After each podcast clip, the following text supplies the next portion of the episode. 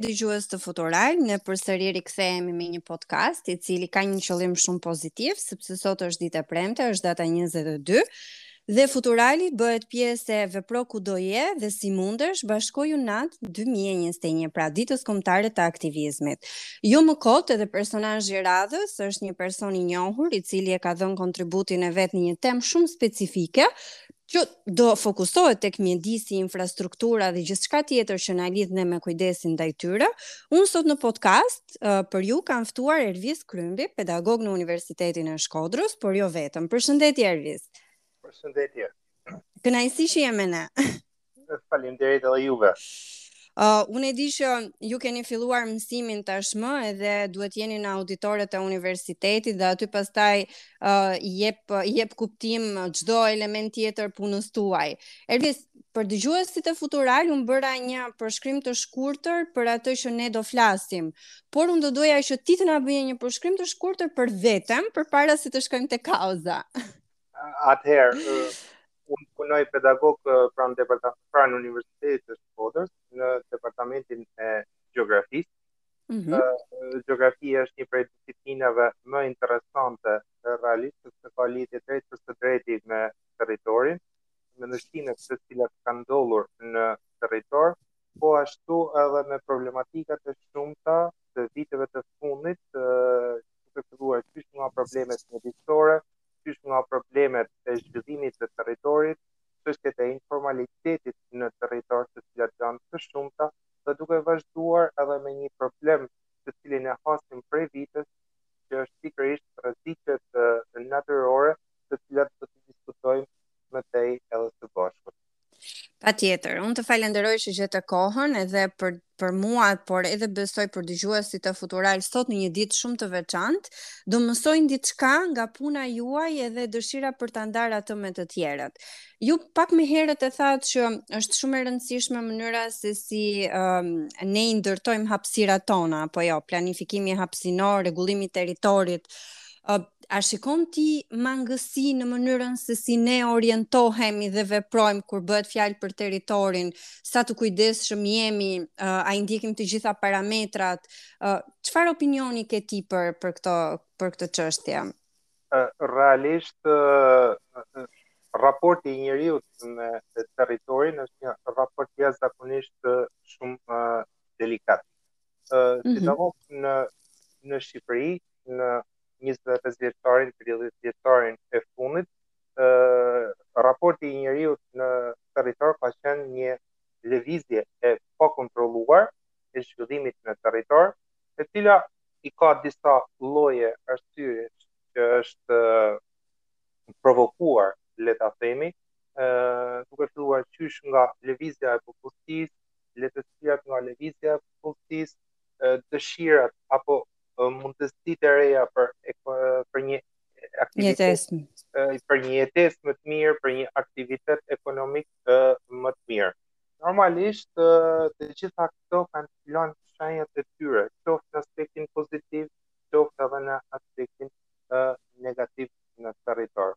Por, por aspektet negative janë ato të cilat kanë ndikuar edhe më tepër sepse rritja urbane e cila ka ndodhur në pjesën e disa qyteteve, sidomos në Shqipërinë, le ta quajmë të mesme, në qytetin e Tiranës, apo në qytetin e Durrësit, është shoqëruar me një mori problemesh të tjera, të cilat e kanë lënë shenjën e tyre thashë pak më përpara edhe në territor.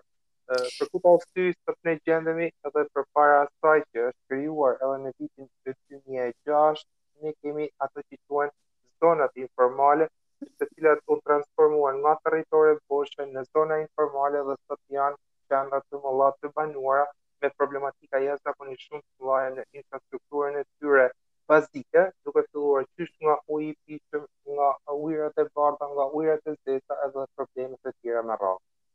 Pra, e shpjeguar nga ju, unë kuptoj që kur flasim për territorin nuk e lidhim vetëm me një çështje të caktuar, po e shohim pastaj se si elementët ndërlidhen me njëri tjetrin në formën e një zinxhiri. Dhe pastaj nga ky keq planifikim, do thoja unë, shkojmë tek problemet që ne i shkaktojmë mjedisit. Po. Dhe unë e kam parë që ju jeni i kujdesshëm që të vizitoni zona të ndryshme të Shqipërisë, ë uh, uh, lëvizni edhe me biçikletë. Po, është e vërtetë. Si uh, si si e shikoni ju këtë raport pastaj kur flitet për mjedisin, edhe kur ballafaqoheni me auditorët edhe me studentët tuaj, a vëreni ju ndonjë diferencë në mënyrën se si e konceptojnë ata këtë këtë pjesë? realisht kur të flasim për mjedisin, një prej pikave kryesore është domethënë sepse njeriu mjedisi për njeriu është gjëja më kryesore, domethënë sepse është e përditshmja e tij e zakonshme. Realisht kur flitet edhe për mjedisin në shumë prej planeve të përgjithshme vendore, ato që quhen ndryshe PPV-të planet e përgjithshme vendore, po mm -hmm.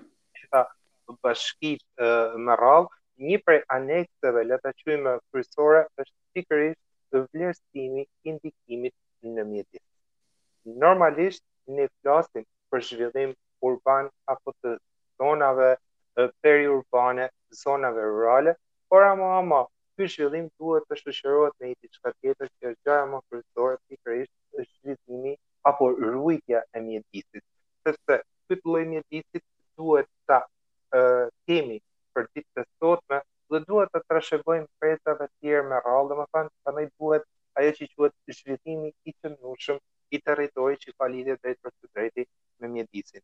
Unë jo më larg se përpara disa ditëve fola uh, pikërisht për problemet e mjedisit në hapësirat apo në brigjet e lumenjve dhe brigjet e liqenit të Shkodrës. Do ta ndash diçka me ne? Absolutisht po, me shumë me shumë uh, me ti, duke qenë se uh, pothuajse i gjithë territori i Shkodrës në përgjithësi është një hapësirë e cila është e rrethume nga ujna. dhe duke qenë një hapësirë e rrethume nga ujërat në përgjithësi, ka një vlerë jashtëzakonisht shumë të madhe jo vetëm si një resurs kryesor, duke qenë se është liqeni i Shkodrës, kryesori më i madhi liqen në Ballkan, pa llogarit pastaj lumin e Bunës, lumin e Kirit, lumin e Drinit e tjerë e tjerë me radhë. Por ama, po të shikohet me vëmendje pikërisht situata në brigjet e këtyre liqenit të Shkodrës, sidomos afër qendrës urbane, po ashtu lumit Buna, po ashtu lumit Kir, sheh një situatë domethanë që nuk është aspak normale. Pse? Liqeni i Shkodrës, afër qendrës të tij urbane, pikërisht vuan problematikat e shkarkimit qoftë të mbetjeve të lëngëta urbane, mbetjeve të caktume industriale apo mbetjeve të tjera inerteve, të cilat nuk bajnë gja tjetër vetëm se janë pikërisht ndotësit kryesor domethanë për këtë lloj habitati dhe pikërisht fjala habitat shkon më tepër se diçka se çdo gjë tjetër sepse është ndërlidhja e mirëfilltë e njeriut me mjedisin. Dhe pikërisht veprimtaria e njeriut në brigjet e liqenit të Shkodrës dhe gjatë brigjeve të lumit Buna dhe në zonën e tyre ligatinase ka ndikuar qoftë në cilësinë e ujërave, qoftë në biodiversitetin e të gjithë këtij lloj ekosistemi ujor. Po ashtu. Ervis, është po. është shumë e drejtë pa dashur që të të ndërpres. Por kur flasim për këto mbetjet uh, urbane inerte që shkarkohen në, në brigjet e lumenjve, liqeneve, përgjegjësit jemi ne apo jo? Uh, jemi drejt për drejt ne ata që e konsumojmë diçka dhe uh, unë edhe vetë kam parë situata ku njerëz të caktuar i marrin edhe i hedhin nga dritaret e makinave, um, be, uh, qeset me mbeturina shkojnë i lenë në, në vende ku nuk duhet që të depozitohen.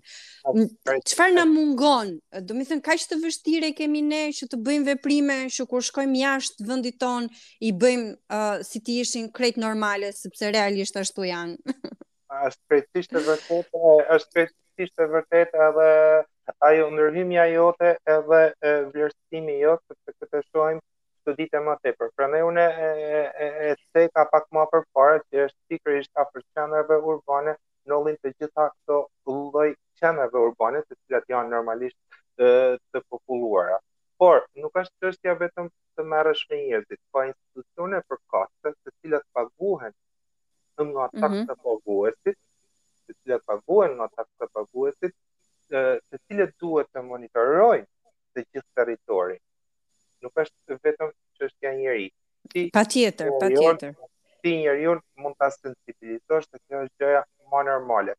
por njëherazit përveç sensibilizimit tek njeriu duhet të jetë edhe monitorimi dhe kontrolli, nuk është fjalë e e keqe të thuash të monitorosh dhe të kontrollosh, absolutisht jo. Duhet ta monitorosh një një territor të caktuar, duhet ta kontrollosh një territor të caktuar dhe në këtë lloj mënyre duhet të ndërhysh në një territor të caktuar, jo vetëm me sensibilizim, por edhe në mënyra të tjera që këtë territor ta ruash për një të ardhme më të mirë. Shumë e drejtë. Edhe është shumë e drejtë edhe pjesa ku ti thua që monitorimi nuk është një gjë e keqe, sepse në fund fundit uh, duke monitoruar ti e kupton patjetër edhe kontrolli, ti e kupton se ku i ke defektet e tua dhe cilat janë target grupet që preken dhe si mund të përmirësohen ato. Por është edhe një pikë tjetër shumë e rëndësishme që u e di e hapëm pak më përpara dhe e prekëm së bashku. Mm -hmm. Në të vërtetë, ne kemi shumë plane të përgjithshme vendore, ne kemi projekte jashtëzakonisht shumë të mëdha për sa i përket territorit, për sa i përket të, të mjedisit në përgjithësi, për sa i përket edhe problemit të rrezikeve natyrore. Por, mm -hmm. gjithë këto lloje projektesh dhe gjithë këto lloje programesh shumë, që po t'i shohim në letër, janë edhe me harta shumë ngjyrëshe, duhet mm -hmm. realisht, duhet realisht të implementohen në territor, mos të mbesin vetëm, vetëm në letër. Në letër dhe në sirtare, sepse në këtë lloj mënyre të gjitha këto nuk i vlejnë dhe nuk i bëjnë asnjë lloj dobie as komuniteteve të caktuara, por mbesin vetëm në letër dhe kaq. është shpesh herë që planet domethënë kanë kaluar plan më plani dhe vjen momenti i caktuar implementimi i tyre në territor ka qenë pothuajse edhe zero. Si mund ta rritim nivelin e monitorimit? Domethënë, ke ti një një model, një ide tënden që mendon se do ishte shumë pozitive dhe do ndikonte edhe në këtë pjesën e kontrollit, ëh, se është mirë që shpeshherë ne të marrim frenat edhe të themi që diçka nuk funksionon dhe hajde tani që bashkë me institucionet ta gjejmë një zgjidhje për të mirën e, e përbashkët. Unë do të marr një shembull për sa i përket fenomenit të përmytjeve. Po. Fenomeni i përmytjeve po bëhet një prej fenomeneve i cili në ciklin e përsëritjes së tij po përsëritet më tepër se duhet. Përmytja e 2010 e 2011 flas gjithmonë për rajonin e veriut, e 2017-ës po. dhe e fundit krejt ajo që ishte janar shkurti i 2021. Ama, kam vrejtur një diçka te komunitetet të cilat janë të përmytura. Sidomos për sa i përket ish komunës Dajç, tashmë njësia administrative e Dajçit të Bregut të Bunës, apo njësia administrative e Anës së Malit. Ekziston një koncept në ato uh, komunitete që jetojnë në ato mm -hmm, Në zonat përkatëse. Po, në zonat përkatëse. Ekziston koncepti i vullnetarizmit. Mm -hmm. Sa, sa kohë kisha pa e dëgjuar. po. E, dhe ishte shumë interesant, unë këtë lloj koncepti e kam dëgju për herë të parë konceptin e vullnetarizmit pikërisht në Universitetin e Firences. i cili bashkëpunote pikërisht me disa qendra të tjera, të cilat ishin të rrezikume, të rrezikume, le ta themi me plot gojë, nga fenomeni i përmytjes dhe vullnetarizmi që ekzistonte në këto zona të rrezikuara, siç ishte Dajçi i Bregut të Bunës apo zona e Anës së Malit apo fshati i Obotit, që ne e shohim një herë në vit kur del ah. dhe kur është i përmytur, kur ka probleme. Kur ka probleme, ë ekzistonte një jetë në komunitet duke ndihmu njëni-tjetrin, jo vetëm duke ndihmu njëni-tjetrin. Është çështja e monitorimit që ato i bashin dhe e lajmërimit që e bashin kur ishte problemi në argjinatura dhe duke komuniku banorët me njëni-tjetrin në mirëfunksionimin me kryepleqtë e zonave me banorë të caktumun ato persona që kanë ngel në këto zona që banojnë akoma si e si domethënë që të ishte sa më lehtë pesha apo ajo le ta quajmë problematika e përmbytjes në përgjithësi. Ervis, po kur flasim për të rinjtë, e shohim ne vullnetarizmin dhe dëshirën për të kontribuar në komunitet, kur flasim për çështje që kanë kanë rëndësi për komunitetin gjithashtu. Unë duhet të përmend pikërisht unë sot ditën e sotme masi mbarova leksionin, masi ishte një temë jashtëzakonisht shumë interesante që kishte lidhje me planifikimin e territorit dhe me qëllim e vendosa edhe këtë termin e vullnetarizmit. Mhm. Me studentët e mi të masterit, që tashmë e krynen vitin e dytë masterin shkencor në studime rajonale që është pranë Departamentit të Gjeografisë në Universitetin e Shkodrës, Mm -hmm. Nga janar shkurti 2021, një grup prej 17 studentësh të masterit, nuk kanë unë kam kriju një tip networku me ta, një lloj rrjeti si të thuash, rrjet komunikimi. Rrjet komunikimi dhe nuk kanë bërë asnjë lloj gjëje tjetër, vetëm duke raportu për rastet e fenomeneve negative në territor, fenomeneve negative në mjedis, problemet e rreziqeve duke i dokumentuar ato qoftë edhe me shkrim, qoftë edhe me foto të ndryshme dhe pikërisht për para dy mujve, tre mujve që ato marunen temat e tyre të diplomave ose tezën e masterit, një pjesë e madhe e tyre po tregonte eksperiencën që kishte pasur në territor, në zona të ndryshme, bahet fjalë, dhe u kriju një bazë të dhanash, një database shumë e mirë, përsa i përket pikërisht fenomeneve negative në territor të cilat vijnë drejtpërsëdrejti nga rreziqet natyrore, sepse po ta shohim, po ta shohim ne jena jashtëzakonisht shumë uh, vulnerabël apo të brishtë për sa i përket këtyre fenomeneve negative të cilat po i shohim uh, dita ditës që po ndodhin në territorin e në gjithë territorin e Shqipërisë. Ervis, sot në fakt është dita ndërkombëtare e aktivizmit edhe është një moto shumë e bukur që do të thotë vepro kudo je dhe si të mundesh.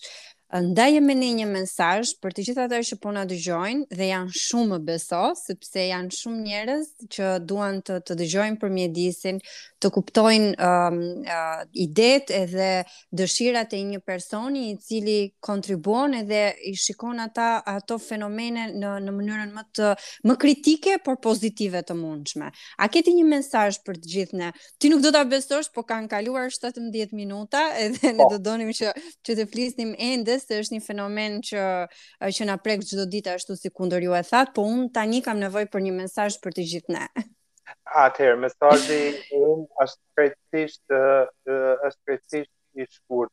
Të kontribuojmë gjithë së bashku që këtë mjedis ta mirëmenaxhojmë jo vetëm për të ardhmen tonë, por për të ardhmen e fëmijëve tonë.